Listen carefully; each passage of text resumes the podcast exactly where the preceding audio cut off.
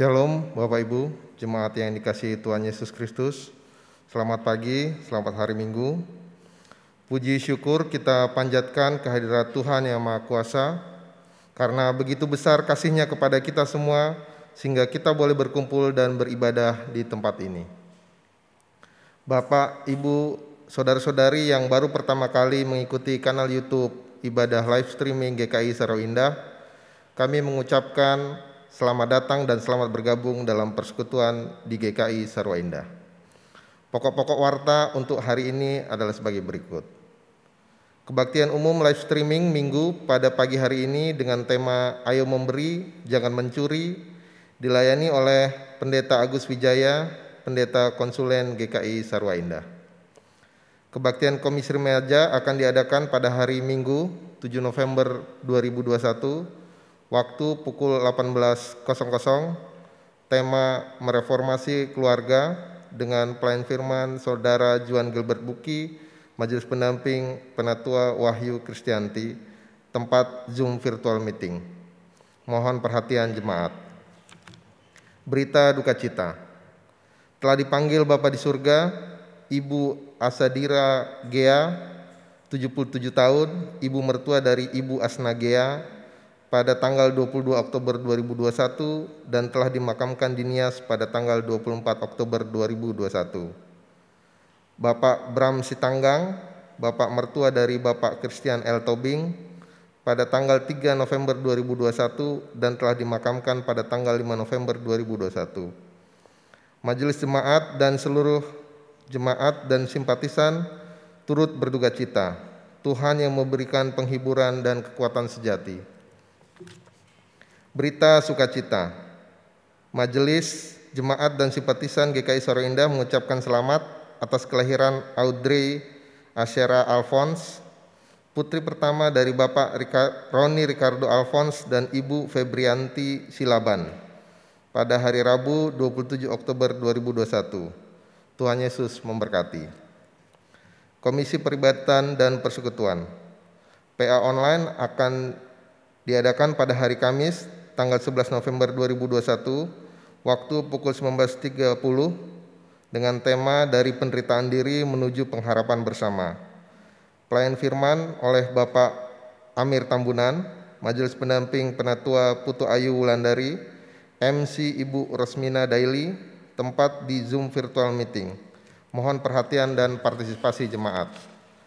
Kelas katekisasi akan diadakan pada hari Rabu tanggal 10 November 2021 waktu pukul 18.00 sampai 19.30 materi gerakan oikumene dilayani oleh Bapak Sahala Lumban Raja Majelis Pendamping Penatua Jojor Sri Rezeki Tobing tempat Zoom virtual meeting.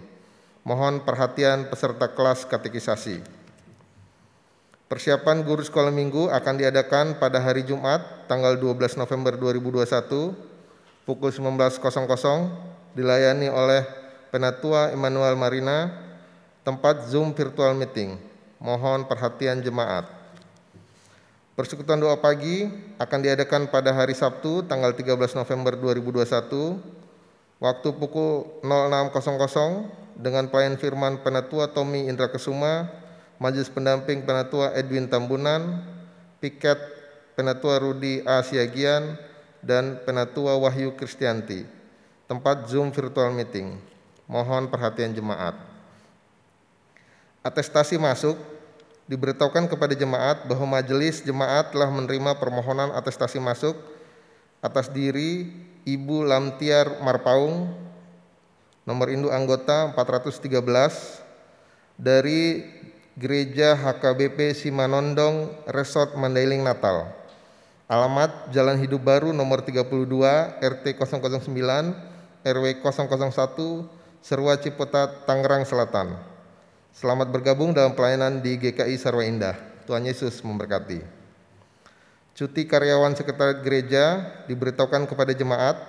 Karyawan sekretariat gereja atas nama Mas Didi akan mengambil cuti Natalnya di bulan November terhitung sejak hari Selasa 2 November 2021 sampai dengan hari Kamis 11 November 2021. Mohon perhatian jemaat. Peneguhan dan pemberkatan nikah. Dengan mengucap syukur atas kemurahan Tuhan Yesus Kristus dan bila tidak ada keberatan yang sah akan dilayankan peneguhan dan pemberkatan nikah atas diri Penatua Christian Dewantara. Nomor induk anggota 405, anggota Jemaat GKI Saro Indah Ciputat Tangerang Selatan, putra dari Bapak Wahyu Hidayat dan Ibu Yohana Triani, dengan Saudari Maria Tikaraya Octavia Sibuea, anggota Jemaat Gereja HKIP Philadelphia Kediri, putri dari Bapak Bahtiar Sibuea dan Ibu Monica Manurung. Peneguhan dan pemberkatan nikah akan dilaksanakan pada hari Sabtu, tanggal 20 November 2021 pukul 08.00 bertempat di GKI Gurah Kediri, dilayani oleh Majelis Jemaat GKI Gurah Kediri. Mohon perhatian dan dukungan doa jemaat. Demikian pokok-pokok warta untuk hari ini. Untuk lebih lengkapnya, jemaat dapat membaca di warta jemaat dalam bentuk file PDF. Segenap majelis jemaat mengucapkan selamat beribadah. Tuhan Yesus memberkati.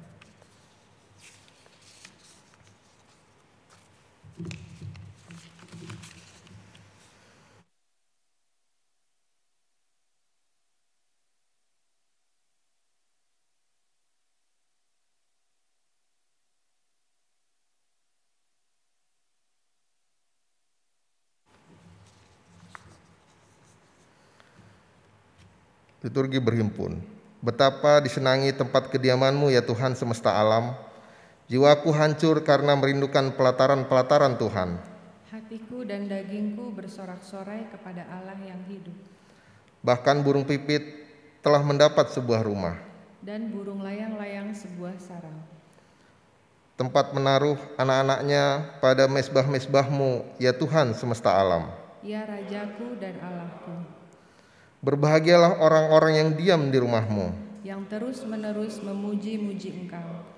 Berbahagialah manusia yang kekuatannya di dalam engkau. Yang berhasrat mengadakan ziarah. Saya undang jemaat untuk bangkit berdiri. Mari kita menyanyikan PKJ 8 bait 1 sampai 3 bukalah gapura indah.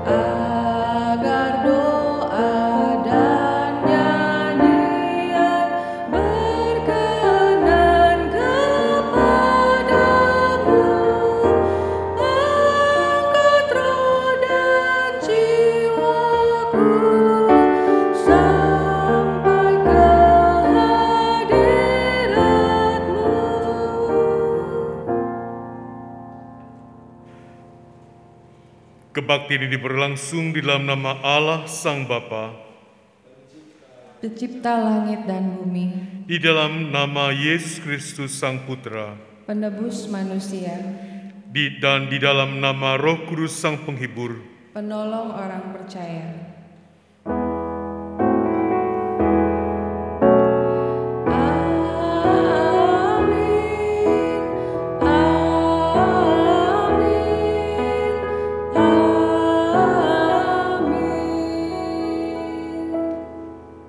Tuhan beserta saudara.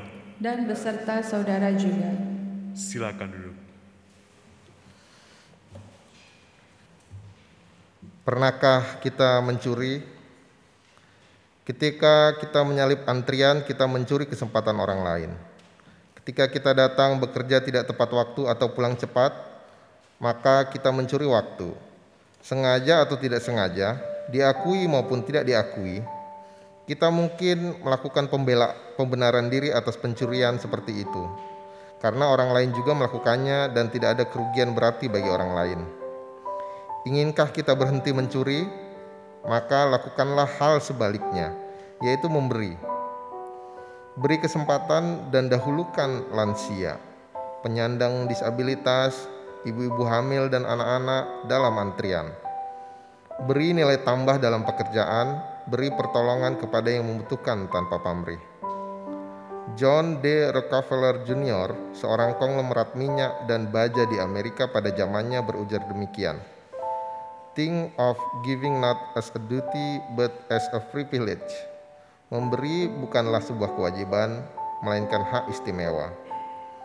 Tidak semua orang memiliki hak istimewa untuk memberi, melainkan hanya mereka yang murah hati yang bahkan dalam keterbatasannya masih mengulurkan tangan untuk memberi kepada orang lain.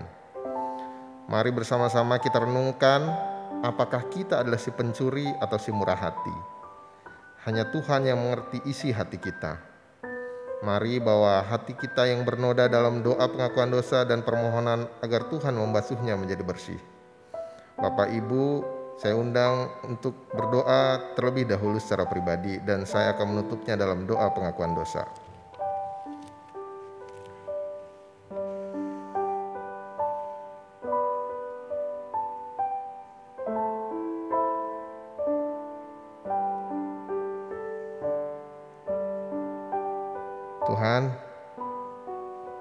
Kami tahu kami semua adalah umatmu yang berdosa Tuhan. Lebih banyak kami menjadi pencuri daripada si pemberi yang murah hati Tuhan. Baik disengaja maupun tidak disengaja Tuhan. Dan kami pasti selalu melakukan pembenaran atas tingkah laku kami, tindak tanduk kami Tuhan mencuri Tuhan. Baik mencuri kesempatan, mencuri waktu maupun mencuri dalam arti kata sebenarnya Tuhan.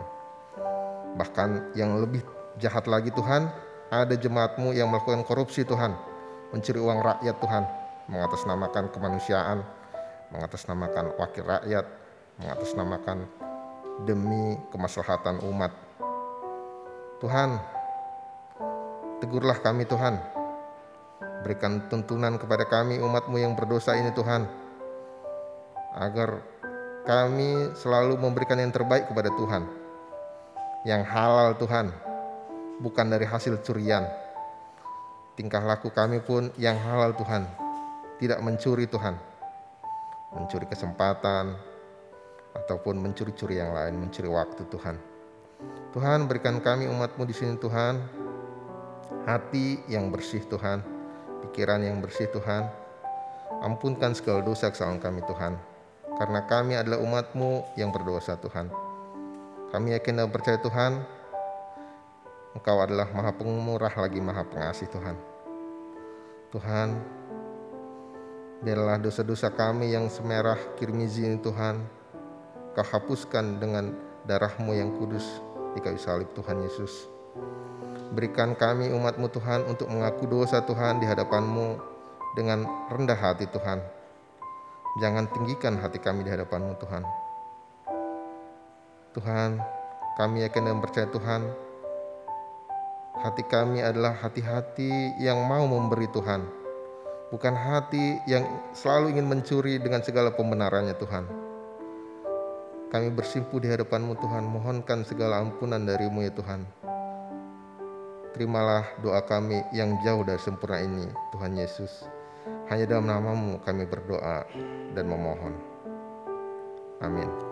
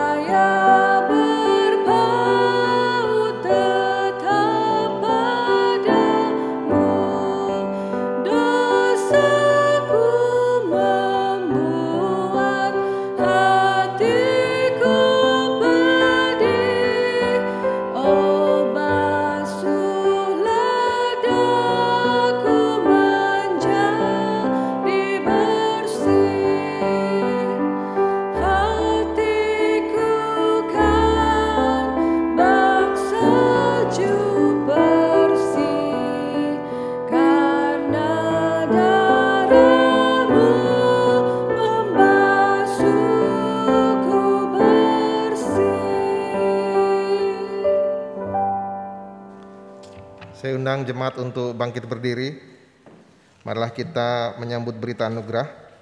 Berita anugerah dan petunjuk hidup baru bagi kita terdapat dalam Lukas 6 ayat 30 dan ayat 35 sampai 36 demikian.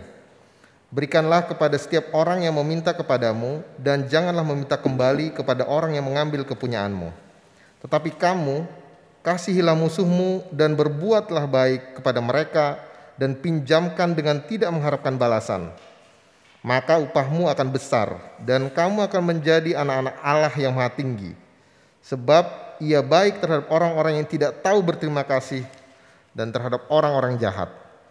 Hendaklah kamu murah hati sama seperti Bapamu adalah murah hati. Demikianlah berita anugerah dan petunjuk hidup baru dari Tuhan. Syukur kepada Allah. Mari kita menyambut dengan salam damai dari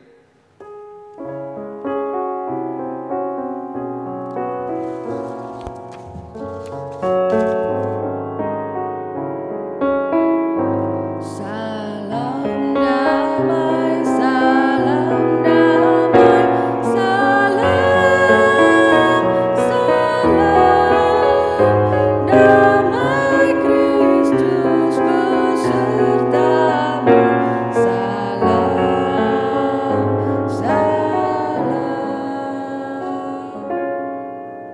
merespon salam damai dan berita anugerah dengan nyanyian umat dari PKJ 215 bait 1 sampai 3. Berbahagialah orang miskin.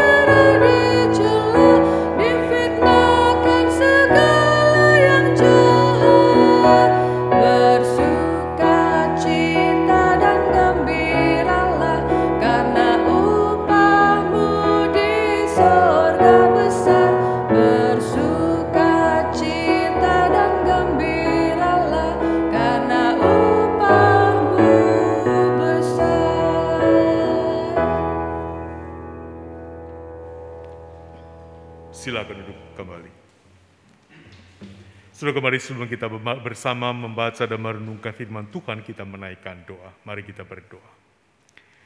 Tuhan yang mengasihi kami, Tuhan yang memberikan pemeliharaan kepada kami. Hari ini di minggu baru yang Tuhan berikan kepada kami, kami pun ingin belajar dari firman Tuhan, bagaimana sikap kami dengan hidup yang Engkau berikan, dengan berkat-berkat yang Engkau berikan kepada kami, supaya kami betul-betul merupakan umat Tuhan yang berkenan di hadapan-Mu. Tolong kami semua supaya kami boleh membaca dan merenungkan firman Tuhan ini, kami boleh belajar dari firman yang sama, sehingga firman itu mewarnai kehidupan kami hari lepas hari. Terima kasih ya Tuhan, kami menyerahkan diri kami semua ke dalam tangan kasih-Mu. Dalam nama Tuhan kami, Tuhan Yesus, kami berdoa dan memohon. Amin. Semoga bacaan kita pada hari ini diambil kitab dari kitab Markus, Markus 12 ayat 38 sampai dengan ayatnya yang ke-44. Injil Markus pasal 12 ayat 38 sampai dengan ayatnya yang ke-44 yang merupakan dua perikop yang berjudul Yesus menasihatkan supaya hati-hati terhadap ahli-ahli Taurat dan perikop kedua adalah persembahan seorang janda miskin. Markus pasal 12 ayat 38 sampai 44 demikian firman Tuhan.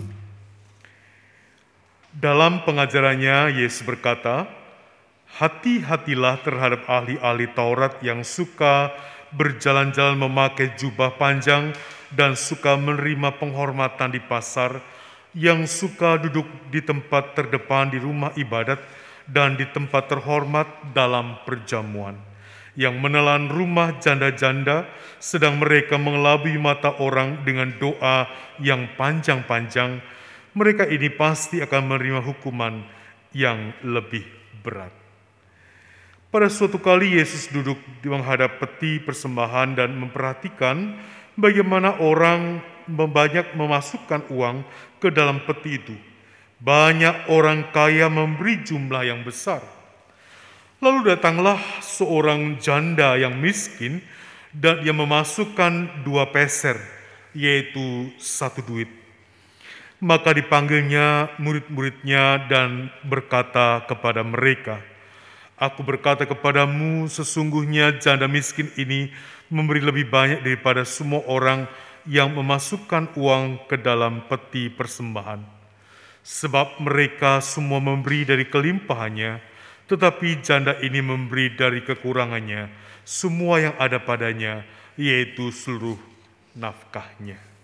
Saudara kita Tuhan, demikian Yesus Kristus berbahagialah mereka yang mendengar firman Allah dan yang memelihara dalam kehidupannya sehari-hari. Haleluya,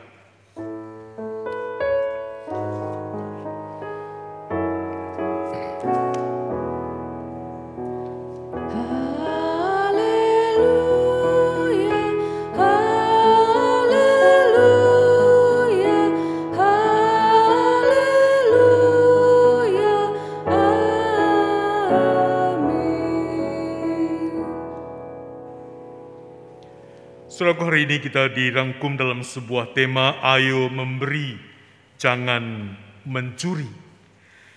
Setiap orang, setiap kita tahu pasti bahwa mencuri itu tidak baik. Setiap orang tahu bahwa mencuri itu dilarang. Ada gurauan tentang korupsi katanya, korupsi di bawah meja, lalu kemudian berkembang korupsi di atas meja dan korupsi yang semeja mejanya. Artinya mau mengatakan bahwa pencurian itu kemudian makin lama makin berkembang, makin lama makin dihaluskan dalam kehidupan kita. Sudah ada banyak sekali cerita dari fabel sampai dengan cerita rakyat yang kemudian menceritakan kepada kita sekalian ada akibat dari mencuri, ada larangan-larangan supaya kita tidak mencuri dalam hidup ini. Ada larangan adat, ada larangan sosial, ada larangan agama, dan di dalam Alkitab sendiri kita juga kemudian mengenal firman yang keenam yaitu jangan mencuri. Lalu pertanyaan tetapi mengapa masih banyak orang yang mencuri? Masih banyak orang yang menjamret, mengambil barang orang lain, dan juga ketahuan korupsi dan berbagai macam yang lain yang dilakukan oleh banyak orang. Pertanyaan tentu adalah apakah kurang cerita-cerita yang disampaikan kepada kita ketika kita waktu kecil? Apakah kurang hukum yang kemudian mengatur kita? Apakah kurang aturan-aturan sosial agama yang kemudian sudah membekali kita dalam kehidupan ini? Apakah kurang berkat-berkat yang Tuhan berikan kepada kita sekalian? Saudara kita dalam Tuhan, bacaan kita hari ini adalah merupakan bagian dari rangkaian panjang percakapan Tuhan Yesus dengan para pemuka agama ketika Tuhan Yesus dan murid-muridnya sampai di Yerusalem dan diawali dengan pertanyaan para imam kepala ahli Taurat dan tua-tua tentang kuasa Tuhan Yesus dalam Markus 11 ayat 27 sampai dengan ayat yang ke-33 dan dilanjutkan dengan percakapan dengan pemuka-pemuka agama yang lain. Dari percakapan-percakapan itulah Tuhan Yesus kemudian mengingatkan kepada orang banyak. Dalam bacaan kita pada hari ini, berhati-hatilah terhadap ahli Taurat. Mengapa mereka harus berhati-hati dengan ahli Taurat? Karena dalam kenyataan yang kemudian ada pada waktu itu, maka mereka ahli Taurat itu kemudian menyembunyikan niat dan maksud untuk mencuri milik orang lain itu dengan jubah dan jabatan dan juga kelakuan yang mereka lakukan setiap hari. Dengan jubah mereka, dengan perilaku-perilaku mereka, mereka mengatakan dan menyatakan bahwa seakan-akan mereka merupakan orang-orang yang sangat rohani. Tapi di balik itu, mereka menyembunyikan maksud jahatnya. Dan bagian dalam ayat yang berikutnya, Tuhan Yesus kemudian menguraikan kepada mereka yang menelan rumah janda-janda, sedang mereka mengelabui mata orang dengan berdoa yang panjang-panjang, mereka ini pasti akan menerima hukuman yang lebih berat. Saudara yang dalam Tuhan, mereka menutupi pencuriannya dengan bahasa, tindakan, ucapan yang demikian rohani. Sehingga maksud jahat mereka seakan merupakan bagian dari kesalehan yang mereka lakukan. Bahkan dikatakan dari para janda, orang yang paling menderita karena mereka tidak punya perlindungan, justru harta milik mereka juga dikuras dengan menggunakan berbagai macam cara dan berbagai macam alasan. Saudara yang sekalian Tuhan itulah alasan Tuhan Yesus kemudian memperingatkan supaya mereka berhati-hati kepada ahli Taurat. Saudara yang sekalian Tuhan hari hari ini bukankah kita juga mendapati hal yang kurang lebih sama dalam kehidupan kita? Mencuri bukan lagi soal membobol rumah, mencopet, mengambil milik orang. Tapi kemudian para pencuri menutupi dengan berbagai-bagai macam cara.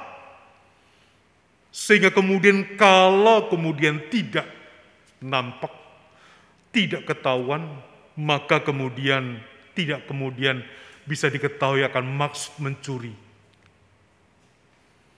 Suatu kali Cak Londong mengatakan demikian. Apa bedanya koruptor dengan korupsi? Orang yang korupsi itu belum tentu koruptor. Koruptor itu adalah orang yang korupsi dan ketahuan. Selama mereka belum ketahuan, maka mereka belum menjadi koruptor. Saudaraku, ada banyak hal yang membungkus pencurian-pencuriannya dengan berbagai-bagai macam hal. Dan bukankah itu yang juga kemudian kita hadapi dalam hidup ini? Sudah kemarin hari ini kita menyadari mencuri itu tidak tidak benar. Dari hal yang kelihatannya kecil, mencuri waktu, mencuri kesempatan, mencuri berbagai macam hal dalam kehidupan kita, datang terlambat dan pulang lebih cepat dari kantor, memakai waktu kerja di kantor untuk main game, untuk mempergunakan milik kantor dengan kepentingan pribadi dan berbagai macam hal yang ada dalam kehidupan ini, sampai hal yang besar, mempergunakan uang jabatan, kekuasaan, dan lain sebagainya. Padahal dengan jelas firman Tuhan mengatakan kepada kita, jangan mencuri. Kenapa jangan mencuri? Dalam kelas katekisasi diingatkan, mengapa jangan mencuri? Karena mencuri adalah bagian di mana kita tak menghargai harta yang Tuhan berikan kepada kita, tidak menghargai berkat-berkat yang Tuhan berikan kepada kita, dan tidak menghargai berkat-berkat yang Tuhan berikan dari kepada orang lain. Karena dengan kita mencuri, kita berarti mengatakan bahwa aku kekurangan berkat. Karena dengan kemudian mencuri, kita kemudian mengambil berkat orang-orang lain dari tangan mereka. Saudara kita Tuhan, karena itu kemudian kita semua diingatkan. Pencurian adalah kemudian tidak menghargai akan harta milik dan juga berkat-berkat yang Tuhan berikan kepada kita dan kepada orang lain. Karena dalam perikop yang berikutnya kemudian dituliskan kepada kita sikap seperti apakah yang mestinya ada dalam kehidupan kita. Yaitu sikap seorang janda yang dikatakan seorang janda yang miskin. Yang dalam kemiskinannya, dalam apa yang kemudian ia alami, ia justru kemudian dikatakan ia memberikan memberikan persembahannya dengan jumlah uang Memang jumlah uangnya adalah jumlah orang yang paling kecil. Dua peser atau satu duit. Berbeda dengan persembahan-persembahan orang lain. Tapi yang mau ditekankan Tuhan Yesus bukan perbedaan antara bahwa orang ini, janda ini, dengan orang-orang yang kaya bukan itu. Tapi yang mau dikatakan ditekan oleh Tuhan Yesus hanya sesuatu hal yang mengatakan bahwa kalau engkau kemudian memberikan persembahanmu berikanlah kerelaan dengan sepenuh hati dalam apa yang engkau lakukan. Kalau kemudian engkau menghargai apa yang Tuhan berikan kepadamu, maka kemudian ketika engkau mempunyainya dan kemudian melihat hal-hal yang perlu ada dalam hidup ini untuk memberi, maka berikanlah itu dengan segenap hati. Saudara yang Tuhan ini bukan soal memberi saja, tapi yang mau ditekankan kepada kita adalah bagaimana sikap kita kepada berkat-berkat yang Tuhan berikan kepada kita.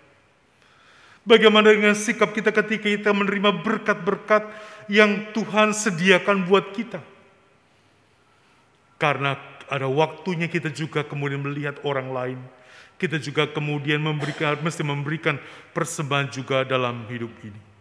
Saudara yang sama Tuhan, Tuhan, Tuhan Yesus dan penulis kitab Markus mau mengingatkan kita tentang kerelaan jandi miskin ini yang menyerahkan seluruh hartanya, bahkan memberikan dari kekurangannya, dari semua yang ada padanya, dari seluruh nafkahnya. Hari ini kita diajak belajar bagaimana mempunyai kerelaan.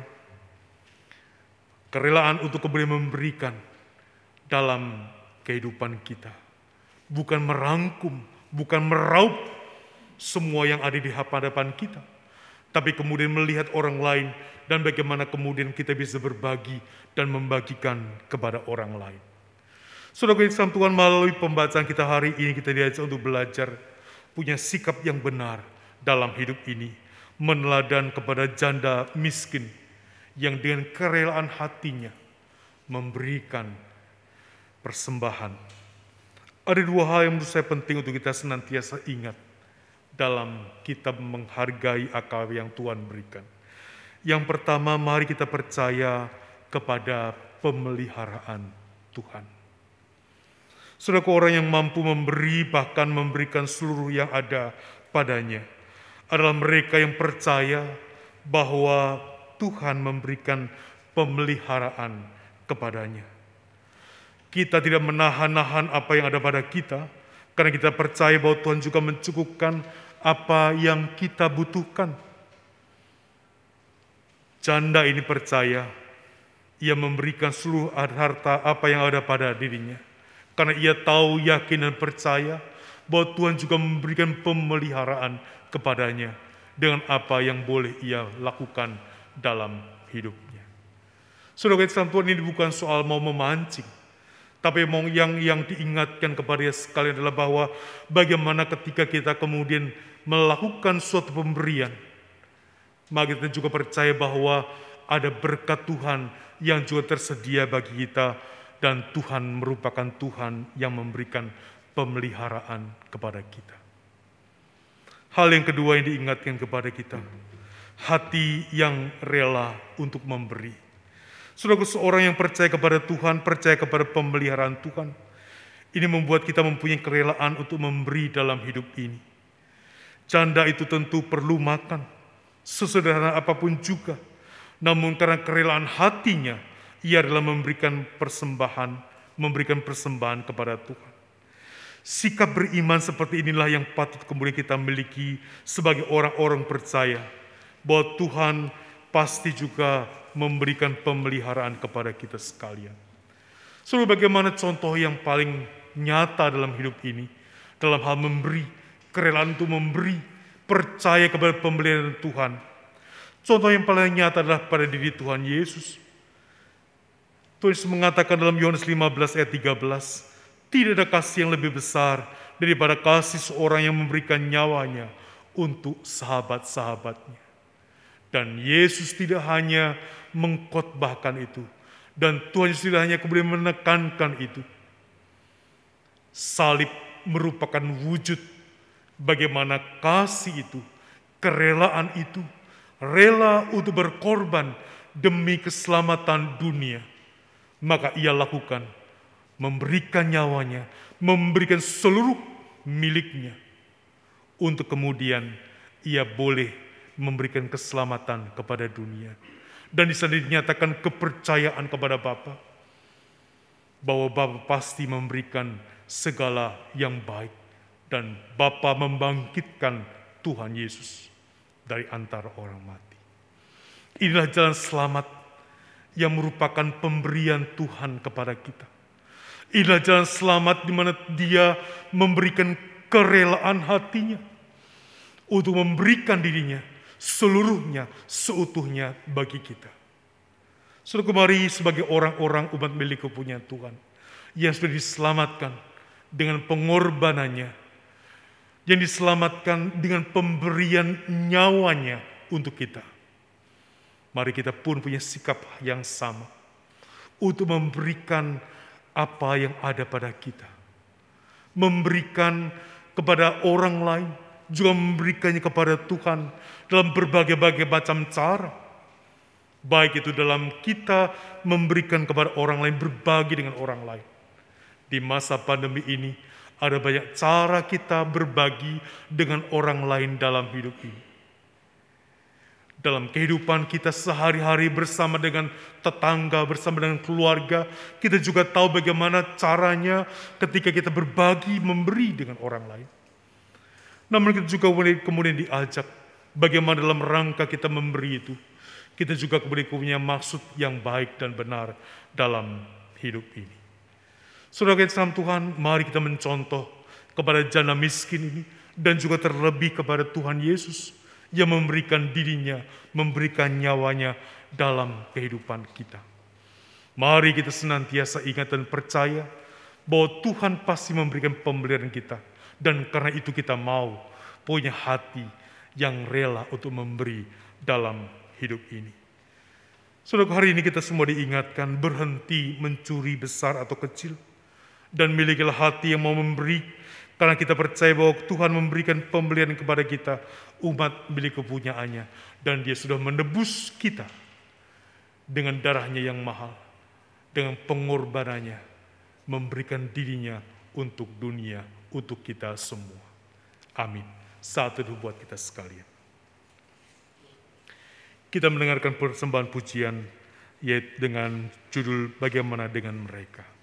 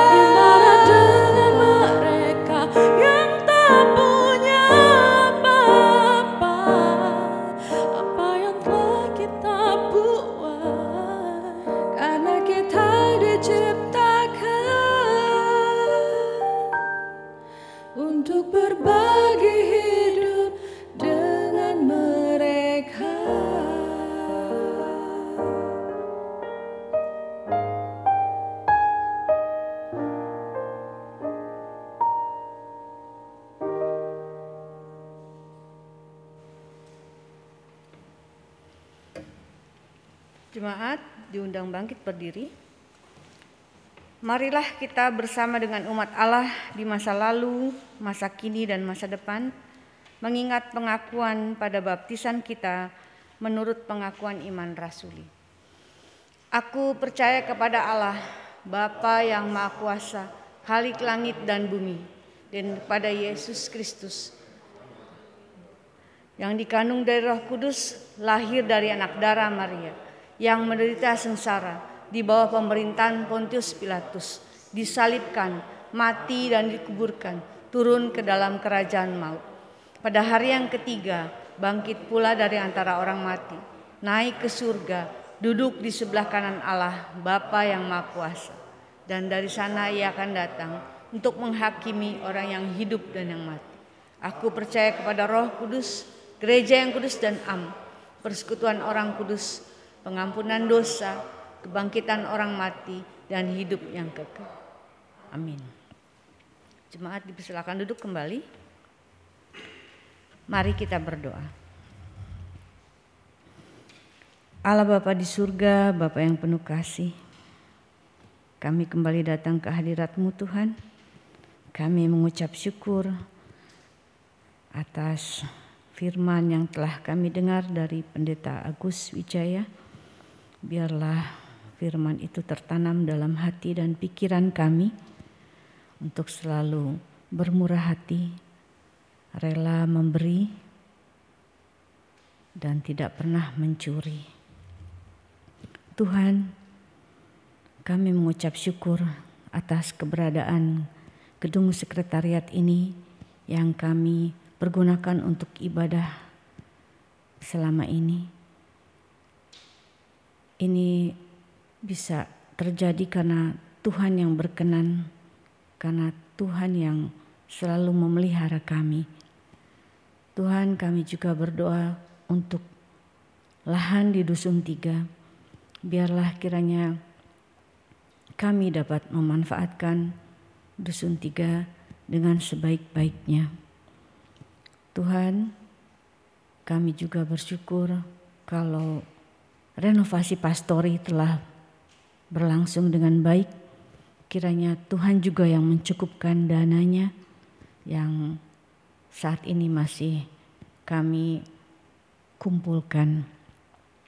Tuhan, Tuhan mengetahui kami sedang mengusahakan IPL di Nusa Loka dan panitia pembangunan telah terbentuk bersama dengan GKI Sarwa Indah dan GKI Serpong.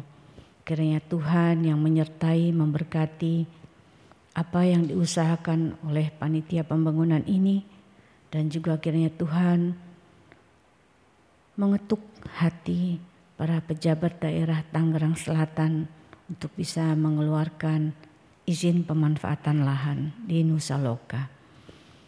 Kami yakin dan percaya waktu Tuhan adalah waktu yang terbaik. Kami mau serahkan semuanya ini di dalam tangan pengasihan-Mu ya Tuhan. Hanya di dalam nama Tuhan Yesus Kristus kami memohon. Terima kasih bersama kami juga yang menaikkan doa-doa syafaat kami. Kami bersyukur untuk kami semua diingatkan. Terlebih baik memberi. Karena kami tahu bahwa pertama-tama kami sudah diberikan oleh Tuhan berkat-berkat dan terutama berkat keselamatan yang memberikan kepada kami keselamatan itu dalam kehidupan kami. Dan biarlah kami boleh bersyukur dengan sikap hidup kami kepada berkat-berkat yang Tuhan berikan kepada kami. Sehingga kami boleh berbagi, memberi dengan orang lain. Bahwa yang kasih bersama-sama kami bersyukur juga untuk persekutuan kami, GKS Sarwa Indah, di mana engkau sudah merangkum setiap kami, bersekutu bersaksi dan melayani dalam kebersamaan kami. Engkau yang berkarya dan membentuk kami, bilang engkau yang juga senantiasa menyertai akan perjalanan persekutuan kami GKS Saro Indah. Tangan Tuhan yang memberkati dan menyertai senantiasa. Bersama-sama kami ingin juga bersyukur dengan saudara kami yang berulang tahun di, di minggu ini. Kami bersyukur bersama dengan Ibu Teti Hutapea, Kami bersyukur bersama saudara Christian Martin. Kami bersyukur bersama saudari Aulia Sagala. Kami bersyukur bersama dengan Bapak Hari Hutapea. Kami bersyukur bersama dengan Bapak Marupa Hutasoid. Kami bersyukur bersama dengan Ibu Elizabeth Daily. Kami bersyukur bersama dengan saudara Galvin Bati. Tuhan, Tuhan, Tuhan akan menambahkan satu tahun usia setiap saudara kami. Tuhan juga memberkati dan menyertai sepanjang jalan kehidupan saudara kami ini. Dalam segala hal biar tangan Tuhan yang senantiasa menuntun dan menyertai setiap saudara kami. Bersama juga kami berdoa untuk setiap saudara kami yang dalam, dalam keadaan sakit dan dalam masa pemulihan. Kami berdoa untuk Ibu Mami Palon, kami berdoa untuk Ibu Hana Panjaitan, kami berdoa untuk Ibu Yulia Kristianti, kami berdoa untuk Bapak Christian Hutagalung, kami berdoa untuk Ibu Nika Elizabeth Buki, kami berdoa untuk Bapak Wahyu Hidayat dan Ibu Yohana Triani, orang tua dari Penatua Christian Dewantara. Kami berdoa untuk Ibu Maria Magdalena, kami berdoa untuk Ibu Tambunan, Ibu dari Ibu Tiana Panggabean. Kami berdoa untuk Bapak Rudi Pasaribu. Kami berdoa untuk Ibu Sarah Jaya Sumadi. Tuhan, Engkau yang paling tahu keadaan setiap saudara kami. Engkau yang paling mengerti dari sakit dan juga pemulihan yang diperlukan oleh setiap saudara kami. Tuhan yang senantiasa berkarya, memberkati, dan juga menyembuhkan dengan tangan kasih-Mu. Kami juga berdoa untuk saudara kami yang lain yang tidak kami sebutkan namanya, namun juga dalam keadaan masa pemulihan, Tuhan yang menyertai memberkati setiap saudara kami. Bersama kami juga berdoa untuk setiap saudara kami yang sedang berduka cita, karena Engkau memanggil kekasih-kekasih hati mereka. Tuhan yang memberikan kekuatan, Tuhan yang memberikan penghiburan, Tuhan yang senantiasa menguatkan setiap saudara-saudara kami, sehingga mereka juga boleh diberikan kekuatan di masa-masa yang sulit ini. Bersama kami juga memohon kami kasih juga menyertai memberkati setiap kami yang datang dengan membawa pergumulan-pergumulan kehidupan kami. Tuhan Engkau yang berkarya di dalamnya, Engkau yang bersama-sama dengan kami untuk boleh menyelesaikan semua yang kami pergumulkan ini. Sehingga bila dalam kasih dan kenyataan Tuhan, maka kami boleh mendapatkan jalan keluar yang daripadamu. Bersama kami berdoa untuk proses kependetaan penatua Kristian Dewantara, Tuhan yang menyertai memberkati untuk penatua Kristian Dewantara, maupun juga kami jemaat Tuhan di KK Saro Indah, tangan Tuhan yang menyertai memberkati setiap kami. Bapak kami juga berdoa untuk rencana peneguhan berkat dan pernikahan Penatua Kristian Dewantara dan Saudari Marina pada tanggal 20 November yang akan datang. Tuhan yang senantiasa juga menyertai memberkati untuk peneguhan berkat pernikahan di GKI Gurah Gediri. Tangan Tuhan yang senantiasa menuntun, menyertai dan memberkati. Juga Tuhan yang berkarya dalam seluruh persiapan-persiapan yang dilakukan, pelaksanaannya, dan semua hal yang dibutuhkan. Kami juga berdoa untuk kegiatan-kegiatan gereja Tuhan di GKS Sarwa Indah ini. Tuhan yang menyertai memberkati setiap kegiatan yang kami selenggarakan dari sekolah minggu sampai ke komisi usia lanjut. Tuhan juga senantiasa bersama-sama dengan kami. Kami berdoa juga untuk panitia GKISI 2 ya, untuk persiap khususnya untuk persiapan Natal yang akan kami lakukan biar tangan Tuhan juga menyertai memberkati akan setiap kami panitia yang akan terlibat di dalamnya sehingga kami boleh melakukan mempersembahkan apa yang terbaik di hari raya Natal ini. Bersama kami juga berdoa untuk bangsa dan negara kami. Tuhan yang menyertai memberkati para pemimpin kami, khususnya di masa pandemi ini, Tuhan berikan hikmat kepada setiap mereka. Bersyukur kami untuk kasih Tuhan kepada bangsa kami, di mana kasus-kasus mulai melandai, tapi kami juga tetap dan terus memohon penyertaan Tuhan, pimpinan dan pertolongan Tuhan kepada kami, sehingga semua boleh ditangani dengan baik. Sehingga ya Tuhan, tangan kasih lah yang akan senantiasa berkarya di dalam kehidupan kami. Tuhan kami juga memohon Engkau yang makasih yang menyertai memberkati setiap kami dalam kehidupan kami selama sepekan yang akan datang. Tuhan yang menyertai memberkati akan setiap apa yang kami kerjakan. Tangan kasih Tuhan yang menuntun dan menyertai kami. Namun terlebih dari itu ya Tuhan, ajar kami juga boleh berbagi, memberi kepada orang-orang lain. Mereka yang kami jumpai selama sepekan yang akan datang, ketika mereka membutuhkan sesuatu hal, bila kami boleh berbagi dengan setiap saudara kami. Terima kasih ya Tuhan, kami menyerahkan akan seluruh doa permohonan kami ini hanya dalam nama Tuhan kami Tuhan Yesus yang mengajar kami berdoa.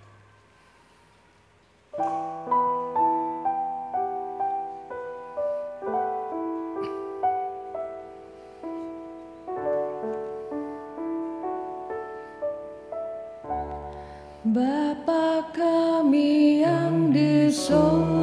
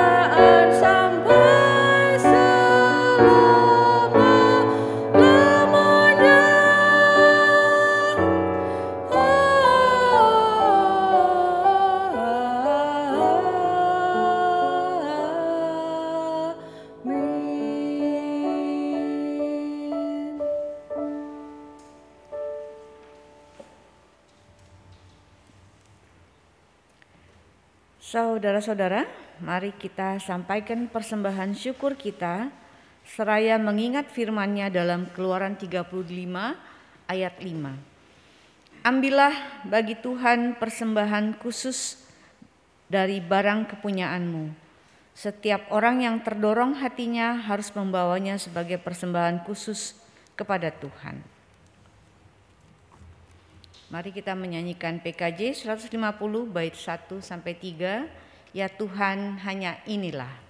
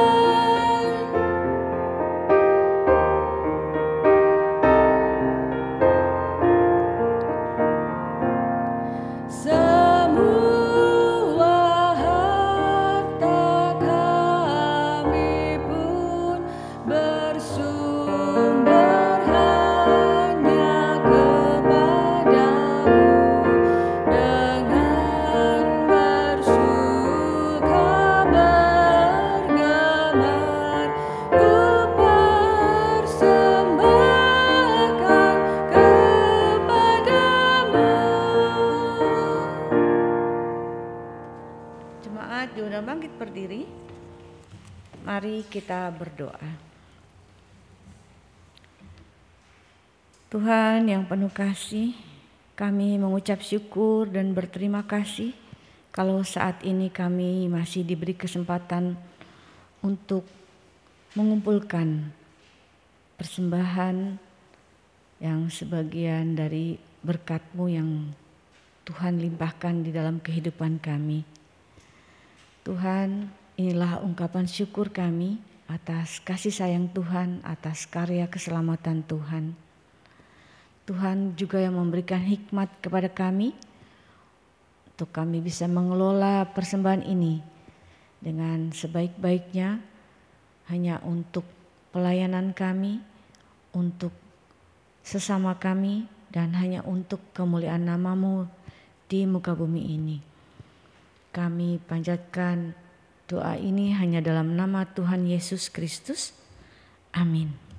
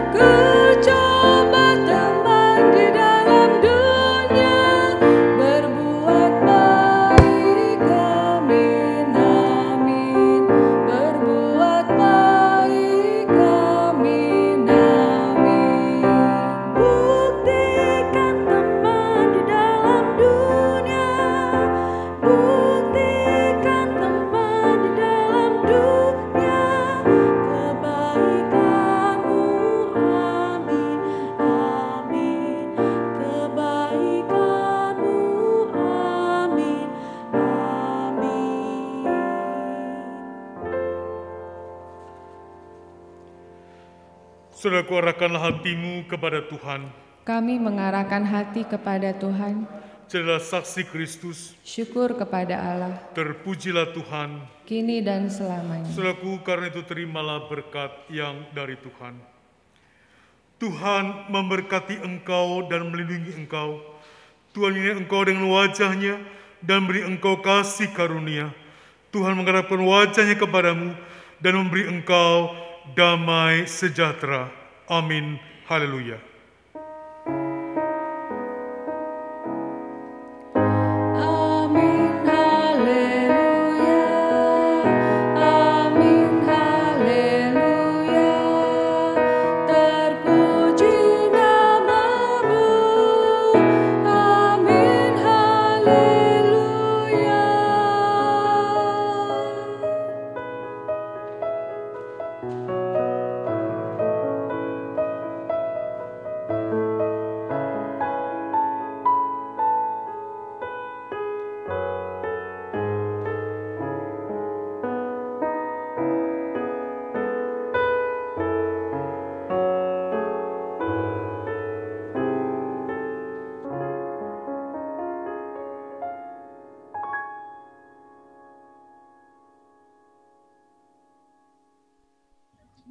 Kepada semuanya yang ya kepada semua Bapak Ibu, saudara-saudara kekasih semuanya, silakan untuk datang ke, ke untuk ikut serta PA Kul.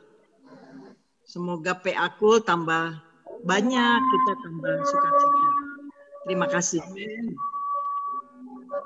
Hari Minggu. Selamat hari Minggu. Selamat hari Minggu. Selamat hari Selamat hari Minggu. Tuhan berkati. Hari Minggu.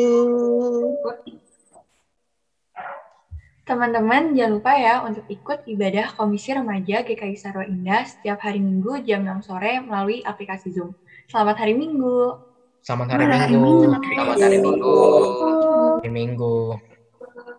Bapak, Ibu, Saudara, Saudari yang dikasih Tuhan Yesus. Pada malam hari ini kami baru menyelesaikan PA hari Kamis secara virtual.